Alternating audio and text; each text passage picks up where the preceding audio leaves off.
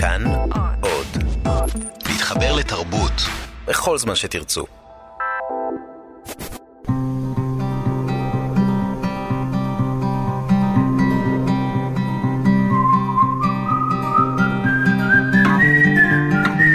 אחת פלוס חמש. אורחים וספרים עם ענת שרון בלייס.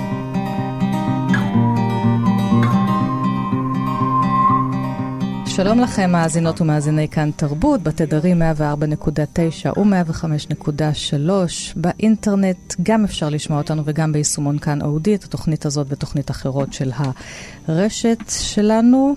ושלום לאפרת גלנור, האומנית, הציירת.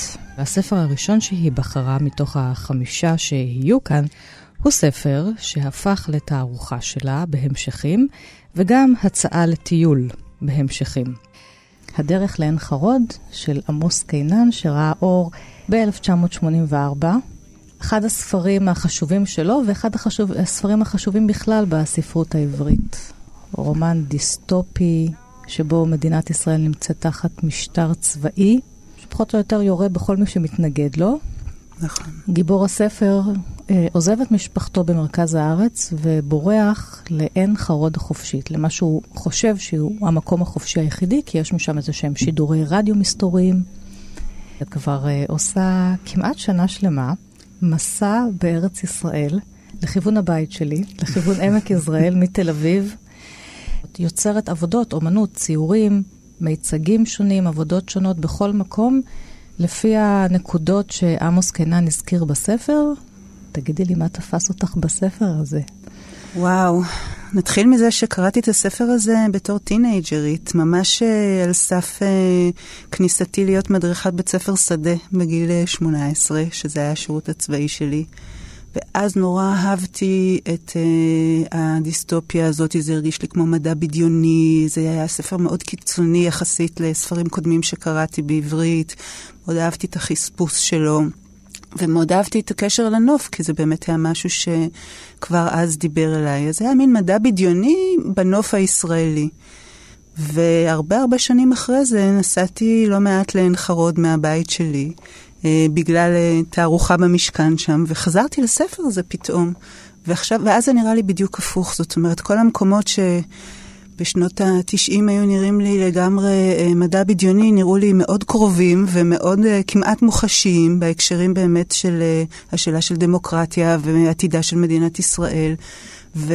והנוף פתאום הפך להיות איזה מין גם מחולל של הדברים, אבל מצד שני גם איזשהו רקע. כן, משהו מהדברים שעמוס קנן כותב שם על אנשים שמתרחקים מנוף אבל נעשים משיחיסטים, הפך להיות מאוד אקטואלי, כמעט כבר לא מדע בדיוני, ואת uh, עוברת בתחנות שלו, זאת אומרת, יוצאת מתל אביב בגלריה שתיל. נכון, מהגלריה של עודד שתיל, כן.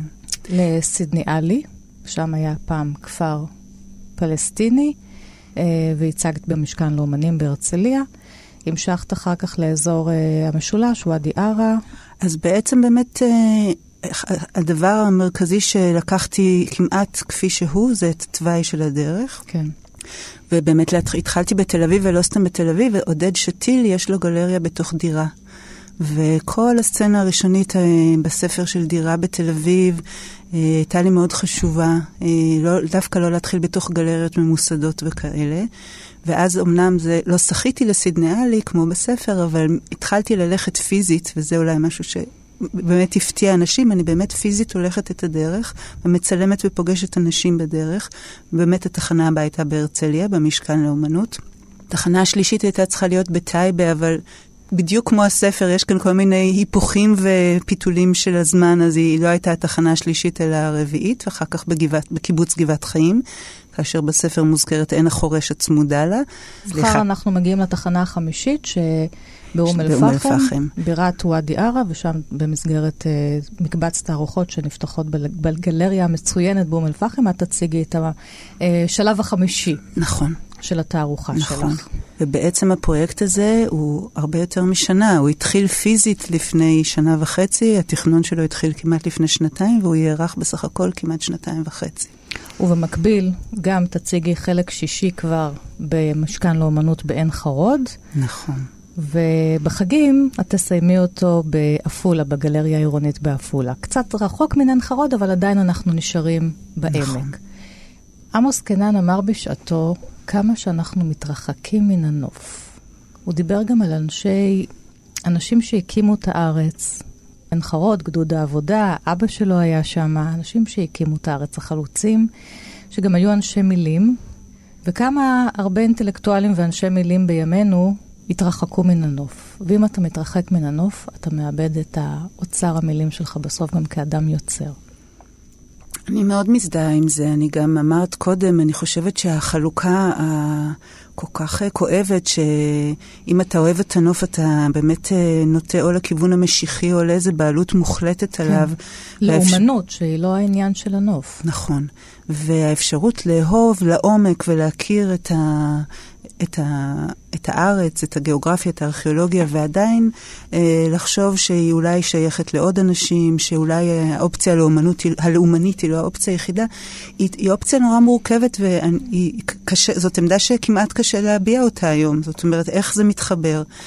אה, אני מאוד מאוד מאוד מסכימה לזה, אני גם צריכה להזכיר שאני מציירת נוף המון המון המון כן. שנים, ואף פעם זה לא היה מתוך איזושהי נקודת מבט נאיבית של איזה כיף נלך לצילם, לצייר שקיעה או, או פרחים, אלא זה תמיד היה מתוך מודעות מאוד גדולה לעובדה שזה תמיד שאלה תרבותית, חברתית, פוליטית, במדינה שהגבולות שלה עד היום לא לגמרי ברורים, ויש המון שאלות לגבי על מה אתה מסתכל, של מי הדברים, אפילו לעומק, בדיוק כמו בספר, לא רק אפילו על פני האדמה ובשמיים, אלא אפילו עמוק לתוך הקרקע. אז בואי נקרא קצת מן הספר, איזה קטע שאת בחרת. כאמור, את עובדת עם הספר הזה צמוד צמוד, mm-hmm. אבל אם אני צריכה, מעבר לבקשה הקשה לבחור רק חמישה ספרים אהובים עלייך, עכשיו אני מבקשת ממך לבחור רק קטע אחד אהוב עלייך מן הספר. כן. הוא פוגש אה, אנשים בהליכה שלו mm-hmm. ומתחבר אה, עם אדם ערבי מן המשולש שגם עוזר לו במסע שלו לברוח. נכון. אז האמת, באמת היה לי קשה מאוד uh, לבחור, uh, אבל בואי ניקח אפילו פסקה קטנה, uh, כי אני באמת, אני לא סופרת, ומבחינתי המבט הוא תמיד המבט של העין, והעין מזהה כן. פרטים, והעין... אז אני מתחילה uh, בעמוד 82, uh, גם במנוסת מוות העין מבחינה בחול. חוצים טרסה עתיקה מפעם לפעם. אבני הגדר מכוסות בחזזית. החזזית היא סימביוזה, עצה ופטריה מפרנסות זו את זו. האחת נותנת לשנייה את מה שיש לה ולוקחת ממנה את מה שאין לה. ומה היה אילו החליטו להילחם עד חורמה על השליטה באבן האחת שעליה שתיהן חיות. רק האבן הייתה נשארת, בתולית. על מה אתה חושב כאשר אתה רץ? אז המצב הזה, שהוא מצד אחד מצב כל כך קיומי ואקוטי והיסטרי באיזשהו מקום, כן. מצד שני, ההשתהות הזאת היא על... ספציפית, על החזזית. אני עוד פעם זוכרת נכון. את החוויה הזאת של להבין מה זה, אה, כשהתחלתי לטייל בבית ספר שדה. וה zoom out הזה לשאלות קיומיות מתוך האבן, הפינג פונג הזה, אה, הכי הכי פשוט והכי אה, רחוק, גדול, אה, באמת אה, מנסה להבין מצב קיומי, זה מאוד מאוד מעניין אותי, כי זה הופך את הנוף למאוד מאוד מורכב ומאוד מאוד טעון. אה, הנוף הוא גם נוף של שכבות, כי יש את הקיום העכשווי של שנות ה-80, הווה של הספר, ומתחת יש את היישוב הארץ ישראל לפני, לפני קום המדינה, פלסטינה. היישובים הערבים, היישובים הפלסטינים. לפני זה הוא כבר חוזר עוד יותר אחורה. עד לימי התנ"ך. זאת אומרת, הוא אומר, באבן הזאת, מתחת לאבן, מתחת לחזזית, יש נגיעות של כל כך הרבה אנשים, כך שהמקום הזה לא באמת של אף אחד. נכון. הוא של כולם. ומצד שני, זה תמיד אישי. כל מה שאמרת עכשיו על ההיסטוריה כן. התרבותית והכללית של, של האזור ושלנו, היא גם ההיסטוריה של הגיבור. זה לא במקרה שאנחנו מתחילות ואני פתאום אומרת, הנה, אני הייתי בבית ספר שדה, ואנחנו מדברות על איפה אני חיה אה, ו- ולאן אני נוסעת. זה תמיד גם המאוד אישי, ספציפי. אפילו באיזשהו מקום סובייקטיבי, ובנוי מתבניות של הנפש, שהן כמובן גם התבניות אה, ש- שמושפעות מהתרבות ומה... מהשיוך שלך. אז תתארי לי עבודה אחת שלך, שנוכל לראות החל ממחר באום אל-פחם. אז אום אל-פחם באמת היה מסע מרתק, כי הלכנו ברגל אה, פחות או יותר מאזור של קיבוץ מצר עד אום אל-פחם ברגל ביומיים, ופגשנו, אני, כל פעם מצטרפים אליי למסע אנשים שבא להם ללכת או שמעניין אותם, ופגשנו גם אנשים מקיבוץ מצר ומייסר וגם ממצפה אילן, ופעם ראשונה שאני נכנסתי לכפר ברטעה ופגשנו שם את אה, מי שהיה ראש, ראש הכפר או ראש המועצה. אה, עד, עד לאום אל-פחם עצמה ההליכה. אה, ובאום אל-פחם אני בעצם אציג שלושה ציורים גדולים, שהם אה, שלושה מקומות בדרך שצילמתי, וצילמתי מאות תמונות. אחד של איזה מין מחסה זולה, משהו בין, משהו של fun למשהו ששומר על השדות בין מצפה אילן לברטעה. אה, עוד עבודה של מפחמה, ציור של מפחמה, וזה ציורים מאוד מאוד גדולים, והם גם לא לגמרי ציורים ריאליסטיים, הם תמיד מאוד ספציפיים, זה מקום מסוים וכתוב השם שלו, ואפילו כמעט הנ"צ שלו. מצד שני זה ציור אה, מאוד אה, פתוח ודמיוני באיזשהו מקום. כמו, אז... בהשראת הספר. נכון, אבל זה גם באמת משהו שתמיד כן. uh, ליווה את העבודות שלי. והעבודה, והציור האחרון הוא ציור מנקודת תצפית באום אל-פחם, שנקראת מצפה השלום, שזה מין... מקום מאוד uh, מוזר שהיה אמור להפוך להיות מצפה שלום, אבל לא בדיוק קיבל את האישורים, אז יש שם מצפה, אבל אין שם, ואיזה מין, עוד פעם, מרחב ביניים מוזר כזה, שמשקיף uh, על אום אל-פחם עצמה.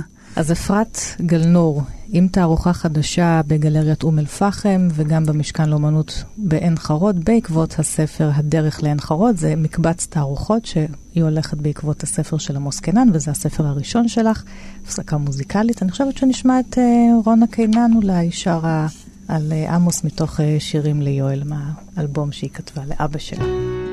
וגם לציין את שלום ציון קינן, בתו השנייה של עמוס, שהיא כתבה את הטקסט לתערוכה שתהיה במשכן בעין חרוד.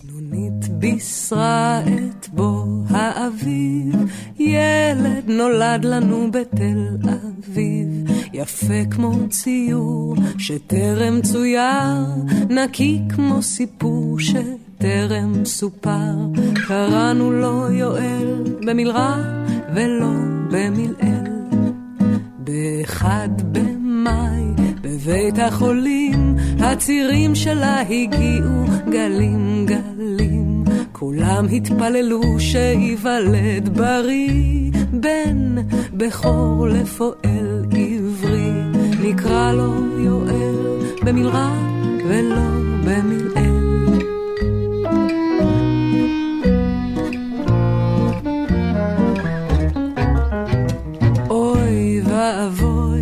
כמה נורא, חצות ודקה ושום דבר לא קרה.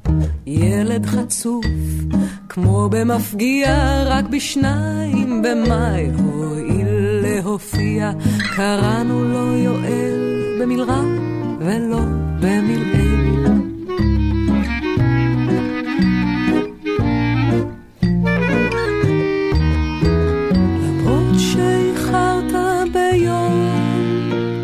אתה תצעד עם דגל אדום אדום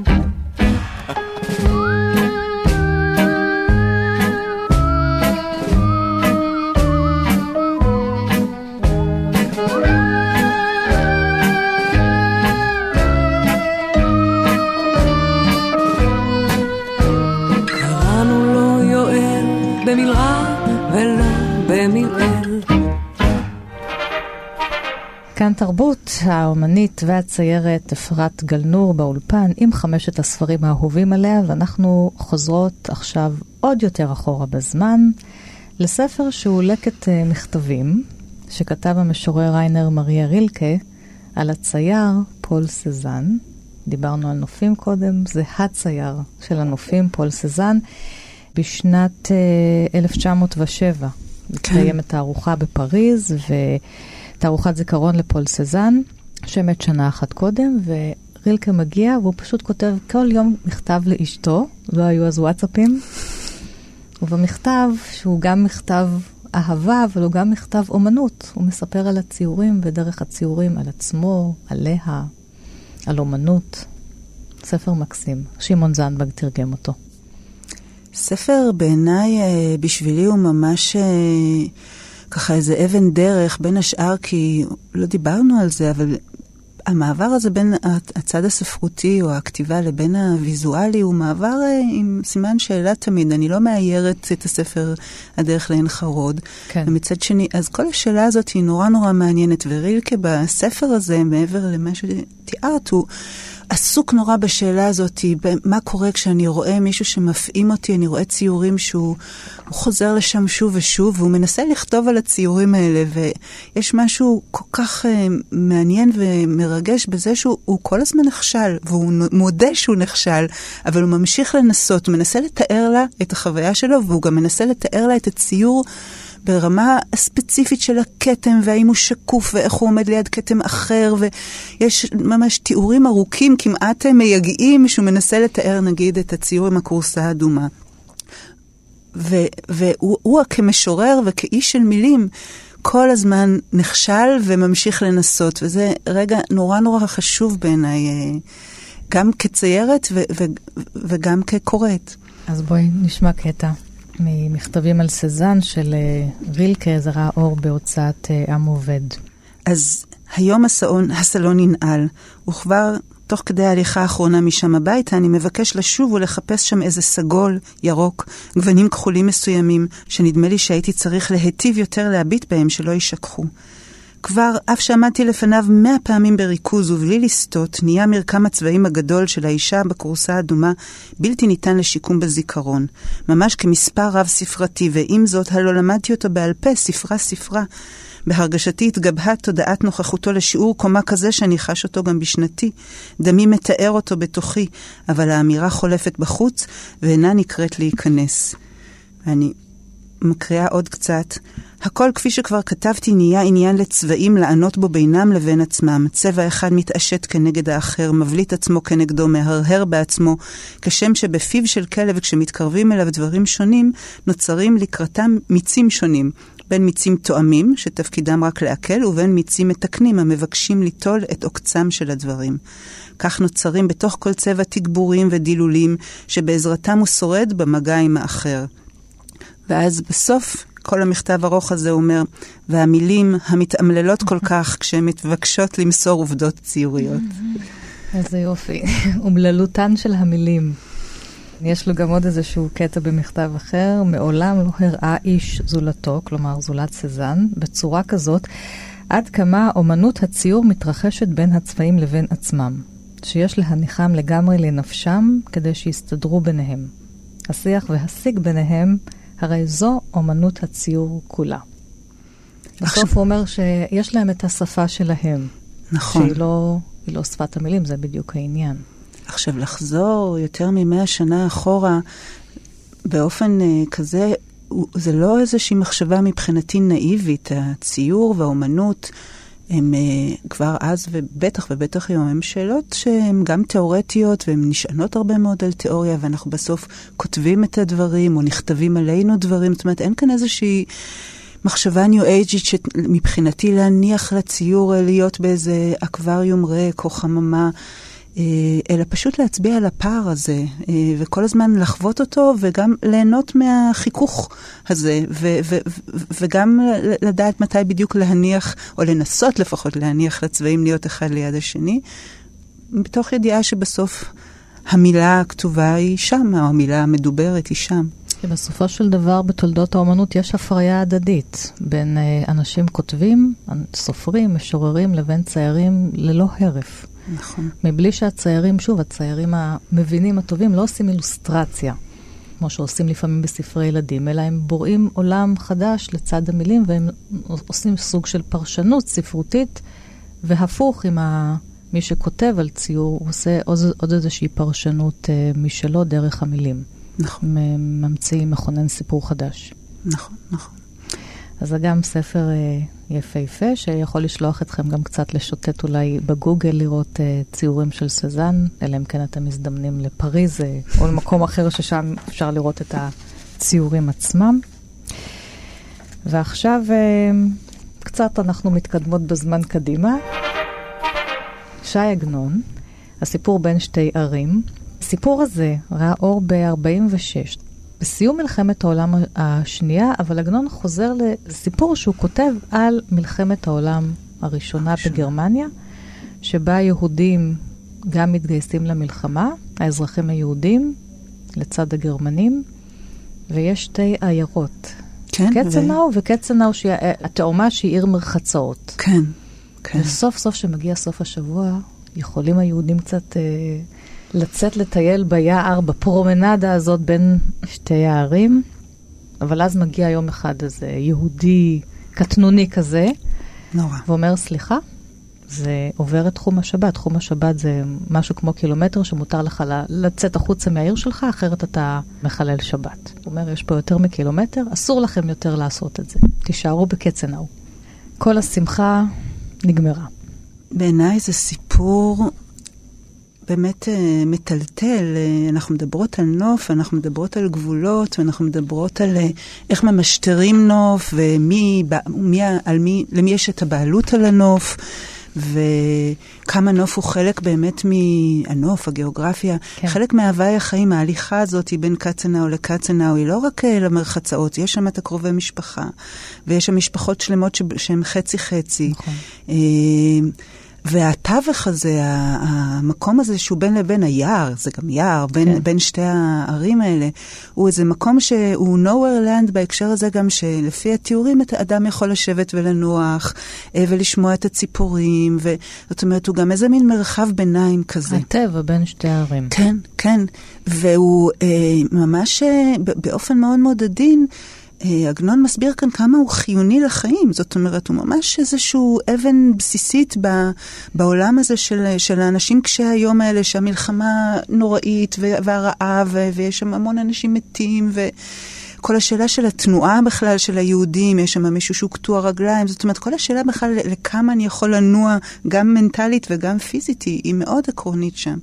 ואז מגיע המורה הזה. ואני יודעת, אני גם מלמדת, ואני מלמדת את הסיפור הזה בש, בשיעורי ציור. כי השאלה הזאת של המורה, שהוא באמת, מה זה הוא איש קטנוני? זה, אולי אני אקריא קודם את, ה, את כן. הקטע שבחרתי, כי זה, זה הקטע עליו. ועגנון אה, מתעלל בו אה, בצדק. אה, אז הנה התיאור שלו. ויש לומר שעגנון היה שומר אה, מצוות. כן. היה איש דתי, ובכל זאת הוא יוצא פה כנגד אה, האדם שבשם כן. השבת אה, הופך את עולמם של היהודים במקום. אז זהו, אז מה שכל כך מעניין כאן בעיניי זה שהשבת היא תירוץ כן. לקטנות הנפש של האיש כן. הזה, שסוף סוף... טוב, בואי נקרא רגע. יש אדם שמסוגל לחשוב מחשבה אחת ימים הרבה, ויש אדם שדרכו לשוטט ממחשבה למחשבה. מר איזידור שלטיהר, שמורה היה, והיה מלמד כל ימיו תורה אחת, רגיל היה לעמוד במחשבה אחת ימים הרבה. עכשיו, שלא היה משועבד לתלמידים, ביקש מחשבות חדשות. אבל כל מחשבה שיש לה חשיבות כלשהי, כבר זכו בה אחרים, ולא הניחו לו אלא מחשבה זו של מאכל ומשתה. קודם כל, כבר איזה תיאור נוראי ומדכא למישהו שאמור להיות אה, מורה אה, ולייצר אה, שאר רוח והשראה לאנשים. לא נשתייר לו אלא לעשות ברגליו מה שאין המוח עושה. חזר מרשל טיהר למנות את פסיעותיו, קצרה נפשו ממניין פסיעותיו, היה מונה את חוטי הטלגרף. קצרה נפשו ממניין חוטי הטלגרף, היה חוזר ומונה את פסיעותיו. לבסוף התחיל מחשב כמה אמות הן.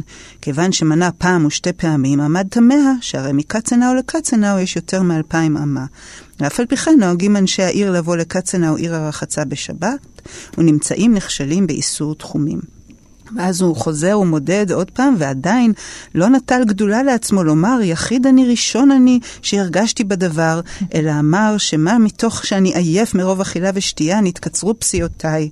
ובודק ובודק, ואז עגנון בסוף הפרק הקצר הזה אומר, עד שלא בא מרשל טיהר לקצנהאו, היה אדם מהלך להנאתו. עכשיו הנאתו של אדם היא שביתתו בגבול התחום. אסור להלך יותר. כן. עכשיו, זה ברור לגמרי, ההמשך הוא קורע לב של שתי האחיות האלה, זה שתי ערים כן. ושתי אחיות.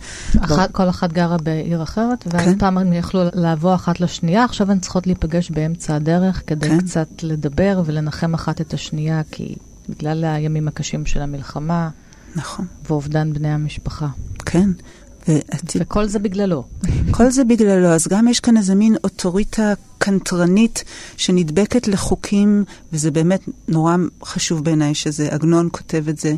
אה, וכביכול כדי לעשות איזושהי מצווה, אבל ברור שזה כדי להאדיר את שמו, באמת מחריבה אה, חיים של קהילה שלמה. אה, זה, זה ממש סוג של קטסטרופה.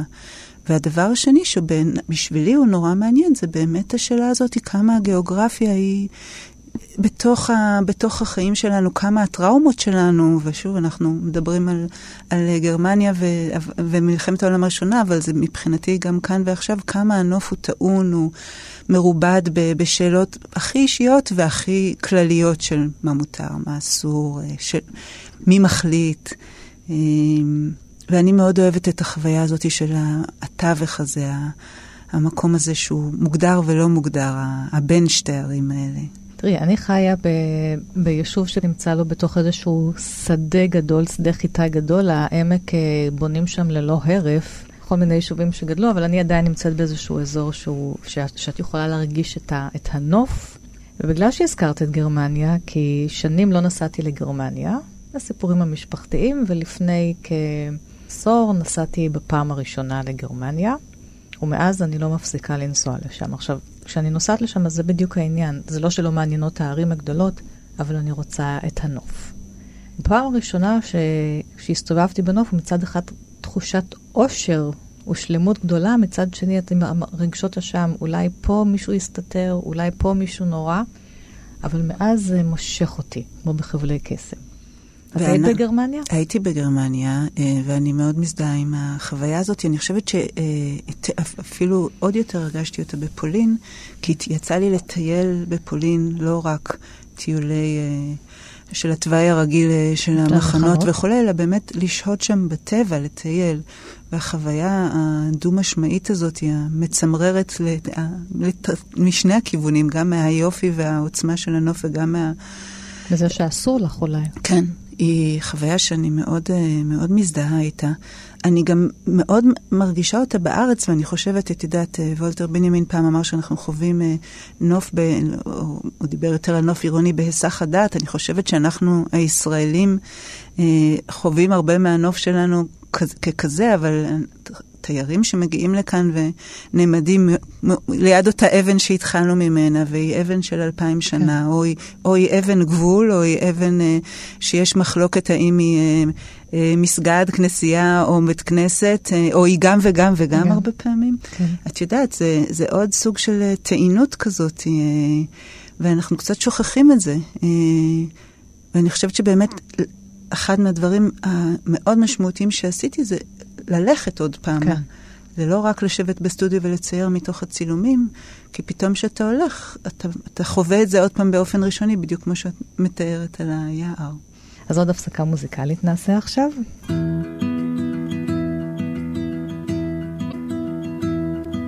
אולי משום שלא ידעתי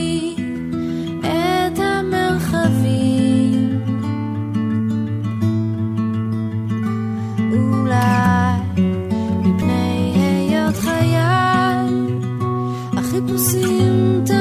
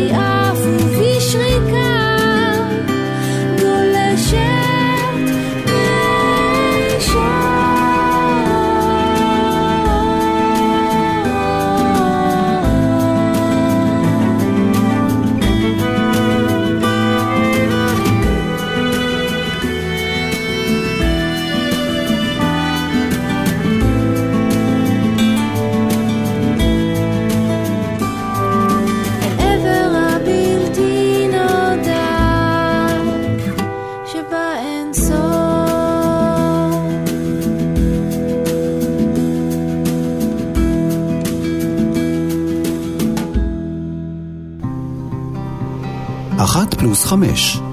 אורחים וספרים עם ענת שרון בלייס. כאן תרבות, ואיתי באולפן האמנית והציירת אפרת גלנור, עם חמשת הספרים האהובים עליה, ועכשיו אנחנו מגיעים ליואל הופמן, הסופר המיסטי, שחותר תחת הספרות עם הספרים שלו. הפעם אנחנו נהיה עם הספר אפרים. למי שלא מכיר אותו מהמאזינות ומאזינים, רק נאמר שכשפותחים ספר שלו לא נראה כמו ספר רגיל, אין שם עלילה רגילה, יש שם פסקאות קצרות שהן כמו מין משלי זן, כי הוא גם חוקר uh, פילוסופיה mm-hmm. מזרח, של המזרח הרחוק, כמו משלים של זן, אבל התוכן הוא תוכן של uh, יקי מהגרים לארץ, שגם כן נעים בין שתי ה... לא בין שתי הערים, בין, בין התרבויות, בין התרבות שהם השאירו שם, התרבות החריבה של השואה, לבין הישראל הלוהטת אליה הם הגיעו. נכון. ויש לו המון ספרים, ואת אוהבת את אפרים. זה ספר אהוב עליי, וזה הראשון של הופמן שפגשתי. אה, והאמת שלבושתי לא כל כך מזמן. אה, ואז פתאום התגלה העולם הזה, ועדיין הספר הזה הוא החביב עליי ביותר. באמת מה שתיארת, הסיפור הזה של המהגרים, והם תלושים ולא תלושים מהשאלה של השייכות של המקום, אבל המבנה של הספר, וה... הוא כל כך ספר קשוח, הוא מאוד, אה, הוא, הכל מפורק, כן. המילים מפורקות, העמודים, אתה מסתכל על העמוד, ומצד שני, כמו יקט טוב, הוא מאוד מסודר, אבל הוא גם מנופץ לרסיסים, וגם mm-hmm. הגיבורים הם כאלה. כן. אה, יש בו עוצמה באמת בקשיחות שלו, והקשיחות שלו שהיא מופנית עוד פעם לפרטים הקטנים, ליומיום, לכביכול הזנוח והשולי. אותי זה, זה, זה מאוד אה, ריגש ומאוד אה, דיבר אליי. הקשיחות הקונקרטית הזאת, אנחנו כל הזמן מדברות על זה, על המקום, על האבן, על ה... משהו כן, מאוד הוא, מאוד... הוא כותב הרבה על מקומות. כן. הרבה הרבה מאוד, גם אצלו יש הרבה מסעות של נוף. אה, בספר הזה חיפה נמצאת. נכון, זה תל אביב וחיפה. תל אביב וחיפה, אגב, בין שתי ערים.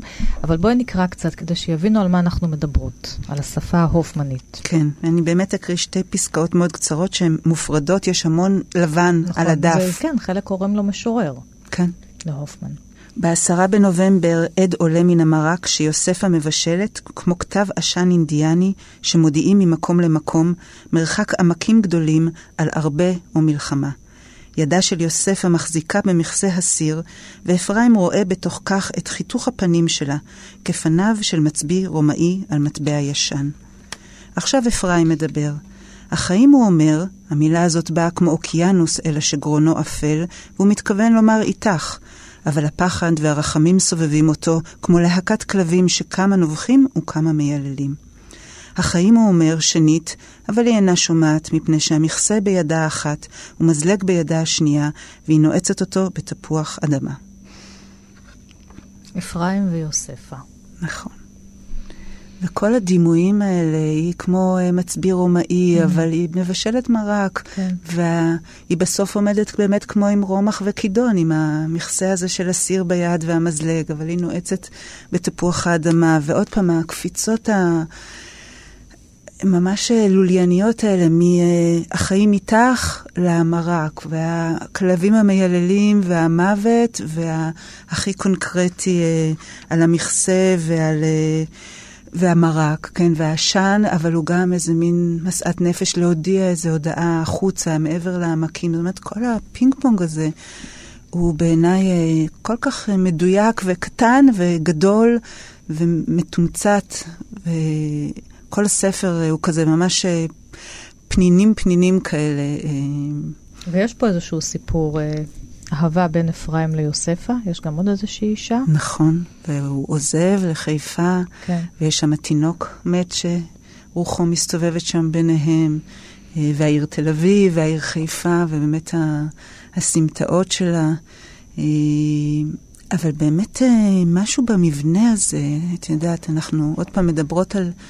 על, אה, על, על היחס לוויזואלי, מה, מה, זה, מה זה המבנה הזה? הרי ציור הוא גם תמיד אה, מבנה, והוא תמיד אה, כתמים וקומפוזיציה.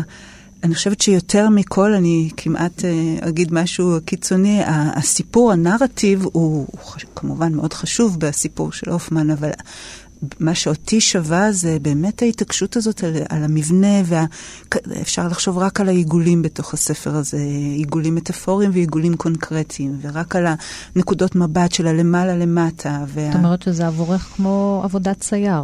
כן, ממש. זה ריגש אותי ממש במובנים אה, הוויזואליים, גם שלאן הוא, הוא לוקח אותי בדמיון עם המילים, וגם באמת בקונקרטיות של איך שהספר בנוי. וגם בספר הזה וגם בספרים אחרים יש המון הומור, גם בתוך העצב של ההגירה יש המון הומור, והרבה פעמים גם כמובן הוא, כמו שאמרנו, הוא מפרק כל הזמן את המעשה הכתיבה, את המעשה הספרותי, וגם פה הוא אומר באחד העמודים, תאמינו לי, זה איננו ספר, אלא מעשה מרמה. וכך בכל ספר הוא כופר בספר, ובכל זאת יש אה, ספר שזאת גם שירה גדולה, ספרים של יואל הופמן, ואת בחרת את אה, אפרים בהוצאת אה, כתר. ועכשיו בפינת הספר החדש, אני מאוד שמחה להמליץ לכם על ספר ששמו נורות שרופות, ולא ברור שרק הנורות שרופות, אלא יכול להיות שגם אנחנו שרופים ושרופות. שלום לסופר יונתן הראל. שלום רב. ספר הביקורים שלך שראה אור בהוצאת הקיבוץ המאוחד, וזה ספר שעוסק באנשים עובדים, אבל לא באנשים שאנחנו רואים אותם בראש טבלאות השכר במשק, אלא בדיוק אלה שנמצאים בתחתית. אנשים שעובדים בחניונים, שומרים, אנשי ניקיון, פועלים זרים, פועלים מן השטחים, אזרחים ערבים, כל מי שנמצא בתחתית הסולם, ואנחנו אומרים לפעמים בתקשורת, אה, אנשים שקופים. ביניהם סמיון השומר ונסטיה, שהיא עובדת ניקיון או אשת תחזוקה.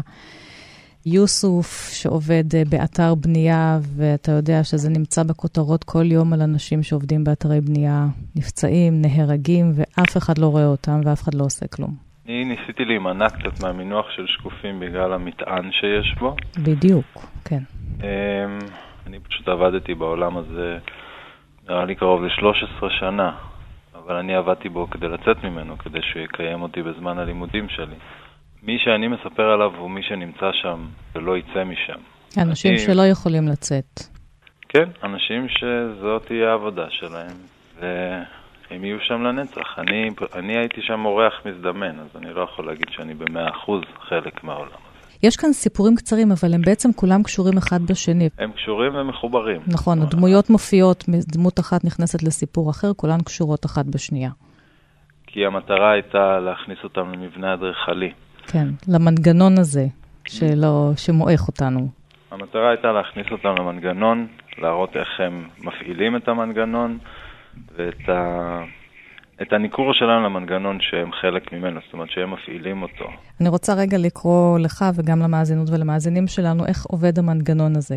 אז uh, יש כאן uh, עובד uh, בשם, עובד תחזוקה, נכון? באיזה בית חולים או באוניברסיטה, באקדמיה, לא ברור, גם בירושלים הרי יש בית חולים ואוניברסיטה זה לצד זה. ניסיתי שלא להתחייב. כן, אז זה יכול להיות בכל מקרה מין ארגון ענק כזה, שיש בפנים מה שנקרא במרתפים למטה, מתחת לאדמה, חללים שאפלים, תרתי משמע.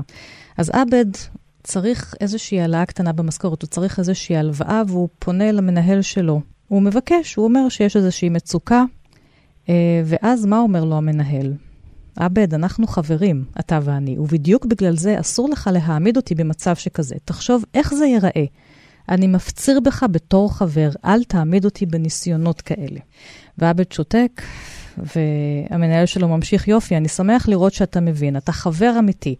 נכון שלאשר לך העלאה זה ממש שום דבר, זה חתימה על דף וזה נגמר, אבל אתה לא נמצא כאן לבד, יש את כל השאר, יש את הארגון כולו. ומה יהיה איתו באמת? נאשר לכולם העלאה וחסל עם המקום הנפלא הזה. זה שבזכותו יש לנו אוכל בצלחת. ככה סתם לתת לך העלאה? נו, זה הרי לא שוויוני וממש לא מוסרי. מה גם שהשכר הזה לא בא מן האוויר, אני עצמי עבדתי ימים כלילות כדי שתגיעו אליו. כולכם. אתה צריך לשמוח בזה, וחשוב יותר להסתפק. בקיצור, עבד, זה הזמן שלך לטפל בעצמך. במקום לרדוף אחרי הלוואות, הגיע הזמן שתתחיל להחזיר אותן. אני עושה את זה בתור חבר לטובתך ולטובת הארגון. זה הולך ביחד, תזכור את זה תמיד. כל מקרה אחר, הפרט האחד יפרק את הכלל הגדול. הוא מעביר אליו את האשמה, זאת אומרת, אם יש לך בעיות כספיות, זה רק אתה, אמירה ניו אייג'ית, זה לא משהו חברתי, סוציולוגי, ארגוני. ככה עובד המנגנון. הוא למען האמת מצטט שם, אחרי שהוא ציטט את מקיאוולי קודם לכן, כן. הוא עכשיו מצטט את הובס והופך להיות הלוויתן. הוא אומר לו, אתה תיתן לי משהו ואני אתן לך שקט, אבל תלמד להסתפק במה שיש לך, עדיף לך. והמטאפורה של הלוויתן שבולע ומנהל את הדברים ומייצר סדר, זאת פשוט המטאפורה של אותו מנהל. והטרגדיה כאן זה טרגדיה של בן אדם שהחיים שלו נחרצים על 500 שקל. מה, מה זה בדיוק. באמת 500 שקל? אבל בכל זאת, למרות שהיית אורח מזדמן וידעת שתהיה לך את האפשרות, יש שיאמרו את הפריבילגיה אולי, להצליח לצאת משם, להצליח ללמוד ולהתקדם בחיים, אני מכירה עוד לא מעט אנשים שעבדו בעבודות האלה, ואני לא מכירה עוד אנשים שכל כך הצליחו לראות ולהתחבר לעולם של האנשים שעבדו לצדך. איך התחלת לכתוב עליהם? בכל השנים שעבדתי שם לקח לי הרבה מאוד זמן לחשוב על זה. וברגע מסוים החלטתי ש... שאולי אני כן צריך להוציא משהו מזה, לא להוציא החוצה, אין פה עניין של חשיפה, זה לא, זה לא סקופ או משהו כזה, זה איזשהו סיפור שלא מסופר. וזה קרה בדיוק כשפגשתי את סמיון. זאת אומרת, לא פגשתי את סמיון, פגשתי את מי שהפך להיות הדמות של סמיון, זאת כן. הייתה פגישה של כמה שעות שלא החלפנו במילה. זה פשוט היה איש מבוגר, ואני מעריך שהוא היה מעל שנות ה-70 לחיים שלו, שלא דיבר בכלל. בא לעשות מה שנקרא יום רענון בעולם האבטחה. לרוץ קילומטר, לעשות קרב מגע, ללכת לעורך דין, כל הפרוצדורה הזאת, וראיתי אותו עומד שם, ואני שאלתי את עצמי מה אני עושה שם בגיל 32-33, רץ קילומטר בשמש, כאילו מה, מה, מה זה הדבר הזה? ואני ראיתי אותו עושה את זה, והוא עושה את זה בשביל לשרוד. הוא לא דיבר, והוא באמת היה, הוא בא לשם, הוא היה אפילו נורא ילדותי, זה היה נורא מוזר לראות את זה. עם שקית, עם תפוח בפנים שהוא אכל, הוא כל הזמן חייך, הוא השתדל לעשות הכל כמו שצריך, לעמוד בצד, שיער שלו היה מסורק. היה דמות גוגולית כזאת, שלא דיברה. וכשראיתי אותו, אפשר להגיד שהרגשתי מוזר, אפשר להגיד שהיה לי עצוב, אבל הבנתי שבאותו רגע יש פה איזשהו משהו. ואחר כך נכנסתי לסוג של סבב איך להוציא את זה, זאת אומרת, איך מדברים על כזה דבר, באיזה מסגרת מוציאים כזה דבר. יש לומר שאתה עושה מחקרים בחוג לפילוסופיה, יכולת לעשות מזה הרי גם מחקר אקדמי, מחקר פילוסופי, מחקר סוציולוגי, והחלטת ללכת לכיוון הבדיוני, כתבת סיפורים. וזה הספר שלך, אני חושבת שהוא רלוונטי לכל, אה, לכל הקוראות והקוראים, לכולם. יונתן הראל, תודה רבה לך, נורות שרופות, הקיבוץ המאוחד. מודה לכם. תודה, להתראות. ספר אחרון, זה רשימה עיתונאית, ממואר, לא בדיוק ספר עיון, של הסופר האמריקאי דייוויד פוסטר וואלאס, שראתה אור אה, בסדרת קו אדום, הקיבוץ המאוחד, והפעם קוראים לזה משהו כיפי, לכאורה, שלא אחזור עליו לעולם. והמשהו הכיפי הוא שתענוגות בספינת האהבה, לכאורה. הנדיר, כמו שהוא כן. uh, קורא לספינה הנדיר. הנדיר. כן. והוא נשלח לשם על ידי מגזין uh, מכובד בארצות הברית, שלא ידע מה הוא, זאת אומרת, אולי הוא ידע או לא ידע מה הוא יקבל מדויד פוסטר וואלאס, כי הוא תמיד פירק את כל התרבות הקפיטליסטית, תרבות הדימויים האמריקאית. הוא מתחיל שם את ה, לתאר את האנשים, כן. איך האנשים שהגוף מתחיל להירקב, צריכים לצאת למסע הפרסומת הזה. כן. מי שתרגמה את הספר הזה, לינואר ברגר, היא הייתה מורה שלי לאומנות, mm. במדרשה לאומנות, והיא עוד מישהי, אנחנו מדברות היום על הקשר הזה לספרות, ש, שבאמת אה, אה, לימדה אותי לקרוא טקסט, אה, פתחה עולם שלם של, של תיאוריה לאומנות, אבל אני מאז באופן מאוד עקבי, דברים שהיא מתרגמת, הולכת לחפש אותם, כי אני גם מאוד אוהבת את הטעם שלה ואת התרגום שלה, אז מבחינתי כן. גם אה, רגע כזה. אה, אז כן, יש כאן המון אה, באמת כאב וחרדות, ואני בחרתי באמת משהו מתחילת הספר שהוא עוד, לפני שהוא לגמרי נסחף עם הגלים של עצמו, וולס. בשט תענוגות להמונים יש משהו עצוב ללא נשוא. כמו רוב הדברים העצובים ללא נשוא, נדמה שהגורמים לו חמקמקים ומורכבים להפליא, ותוצאתו פשוטה. על סיפון הנדיר, זאת הספינה, בעיקר בלילה, כשהכיף המובנה פסק, וכל החיזוקים ורעשי העליצות נדמו, הרגשתי ייאוש. המילה נשחקה מרוב שימוש ונעשתה נדושה ייאוש, אבל זו מילה רצינית ואני משתמש בה ברצינות. בשבילי מציינת תערובת פשוטה, כמיהה מוזרה למוות שמשולבת בתחושה מרסקת של קטנותי ואפסותי, המתגלמת בפחד מפני המוות. אולי התחושה הזאת קרובה למה שאנשים מכנים אימה או חרדה, אבל היא לא זהה לדברים האלה, לא לגמרי. היא דומה יותר לרצון למות כדי לברוח מההרגשה הקשה מנשוא, שבה אני נהיה מודע לכך שאני קטן וחלש ואנוכי, ובלי כל צל של ספק הולך למות. היא הרצון לקפוץ לים. זה ספר שאמור לתאר אה, שתי תענוגות, והוא כל הזמן מתאר מצבי אימה לצד הביקורת החברתית. נכון. גם על המחיר הגבוה של הטיולים הללו, אה, שמתקיימים גם פה בארץ. אנחנו יכולות אה, לראות בחיפה את הספינות הולכות ובאות, הספינות ענק הללו, ו... והוא מדבר באמת על האנשים שיורדים משם במיטב הבגדים והסנדלים לתוך כל מיני עיירות של עוני שהספינה משייטת ביניהם. ובין היתר הוא גם כותב, אני משלם תמורת הזכות למסור למקצוענים מיומנים אחריות לא רק על החוויה שלי, אלא גם על הפרשנות שלי לחוויה הזאת. כלומר, על ההנאה שלי. ההנאה שלי למשך שבעה לילות, שישה וחצי ימים, שמנוהלים בתבונה וביעילות, בדיוק כפי שהבטיחה הפרסומת לשייט. ומשווה ריקבון אה, גופני, ריקבון מוסרי, נכון. לריקבון גם של, ה, של החומרים שמהם עשויה האונייה, שמחלידים כל הזמן וצריך כל הזמן אה, לתחזק אותם. אז קודם כל זאת מין אקס-טריטוריה כזאת, הוא על ספינה בים. כן. Mm-hmm. השאלה הגיאוגרפית הזאת, הניתוק מה, מהמולדת, מארצות הברית, אה, זה איזה מין באמת אקס-טריטוריה, וזה חשוב, כי היא מתנהלת עם חוקים משלה, יש לה גבולות משלה, יש לה נהלים, נהלים משלה. שזה כבר, אני חושבת, מקצין מאוד את, ה, את כל השאלות, כי הוא באמת כלוא באיזה קופסת פאר כזאת שמתנדנדת לה בלי שורשים. אה, שזה, אני חושבת, מאוד, זה, זה כמובן מכוון. ו, והחלק השני של זה, זה בעיניי הטיול המאורגן. אנחנו מדברות היום על, על מסעות ועל ללכת, שהוא מאורגן אה, לא רק באמת, בדיוק כמו שקראת, לא רק במה אנחנו נעשה, אלא מראש מה אתה אמור לחוות, כן. עם מה אתה אמור לצאת, מהם המסקנות, איך תכתוב אותם, איך, אה, זאת אומרת, זה גם, עוד איך פעם... איך תהיה מאוש, מאושר. כן, ואם גם... אני לא, ואם, ואם אני לא אהיה מאושר. זה בכלל לא כן, שאלה, זאת נכון. אומרת, וזה גם אושר מאוד מסוים, זאת אומרת, זה, זה אושר אה, שהכל בו מובנה, מנקודת כן. המוצא דרך התהליך ועד אה, למטרה. אה, ו, וזה, וכמובן שהוא. לא, כן. לא uh, באמת uh, התנאים האלה לא, לא, לא פועלים עליו, וכל הספר הזה חותר תחת הדבר הזה. הספר הזה הוא מין לופ אינסופי כזה, ואם אנחנו מדברים, אז מה, זה מסע שיצא מנקודה מסוימת וחזר, אבל מה קרה שם בדרך זה אלפי פרטים קטנים שהם לחלוטין סובייקטיביים, וחלקם מטורפים לגמרי, אנקדוטות, uh, באמת ספר מאוד פטפטני, ו... בעיניי החשיבות שלו זה בדיוק השאלה הזאת, מה קורה כשאני יוצא למסע, ואולי יש כל מיני pre-consumptions כאלה, כל מיני אה, אה, הנחות יסוד אה, שמה אמור לקרות לך.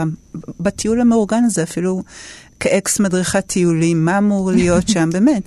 ו- וכמה כמה, אם, כמה אם אתה ביקורתי וקשוב, ועוד פעם, נטפל לפרטים, ולהיטפל לפרטים זה גם לעשות זום אאוט ולראות את הכל לגמרי מבחוץ. שאלת אותי היום על התחנות. אני מעולם לא ידעתי, כשהתחלתי ללכת לעון חרוד, חוץ ממה אני רוצה שיקרה, הגעתי לתחנה מספר 4 לאוצרת, אה, והיא אמרה לי, אבל מה תעשי כאן? אמרתי לה, אני לא יודעת, זה עוד, אה, עוד לא עשיתי תחנה מספר 1. זאת אומרת, יש כאן איזה אה, גם... הבנה ואפילו התגייסות של אנשים להגיד, אוקיי, אנחנו נלך איתך, גם את לא יודעת, אבל, וניתן לזה כן. לקרות, ומקומות שפתאום נעלמתי דום ולא יכולתי גם לצייר רק מ, מ, מהקושי הרגשי של לפגוש אנשים ולפגוש את הנוף, ו, ולתת לזה לקרות ולהבין שיש לזה חשיבות. ווואלאס בעיניי הוא, הוא מאוד כזה, ושוב, הוא גם מאוד מאוד בגדול, המסות שלו על היצירה, על, על הכתיבה, כל הספרים שלו, הם, הם באמת, יש בהם יומרה אדירה, בו זמנית עם איזושהי אפסות נמוכה. ש, ש, ש, שבאמת גם מאפשרת לפעול וגם מאפשרת לחדול כל הזמן, ואני מאוד, מאוד מזדהה עם הדבר הזה. בלי שהתכוונו, אולי אנחנו סוגרות פה איזשהו מעגל עם הספר הזה של מישהו שיוצא למסע תענוגות מול... אה, הגיבור של אה, עמוס קינן שבורח לעין חרוד החופשית, שהמסע שלו הוא לחלוטין לא מסע תענוגות, אבל כל אחד מהם באיזשהו אקס טריטוריה עם איזשהי חוקים חדשים שהוא מנסה ללמוד אותם. האמנית, הציירת, אפרת גלנור, תודה רבה לך. התערוכה שלך בעקבות הספר, הדרך לעין חרוד של עמוס קינן, ממחר בגלריית אום אל-פחם, וגם עוד כמה ימים במשכן לאומנות נכון. בעין חרוד. ובהמשך אה, גם תהיה בגלריה העירונית בעפולה, וגם עבודות אחרות שלך. תודה רבה לך. אני ענת שרון בלייס, פרטים נוספים על התוכנית בדף הפייסבוק שלי, ואת התוכנית הזאת ואחרות אפשר לשמוע ביישומון כאן אודי, 1 פלוס 5. תודה לכם, שבת שלום.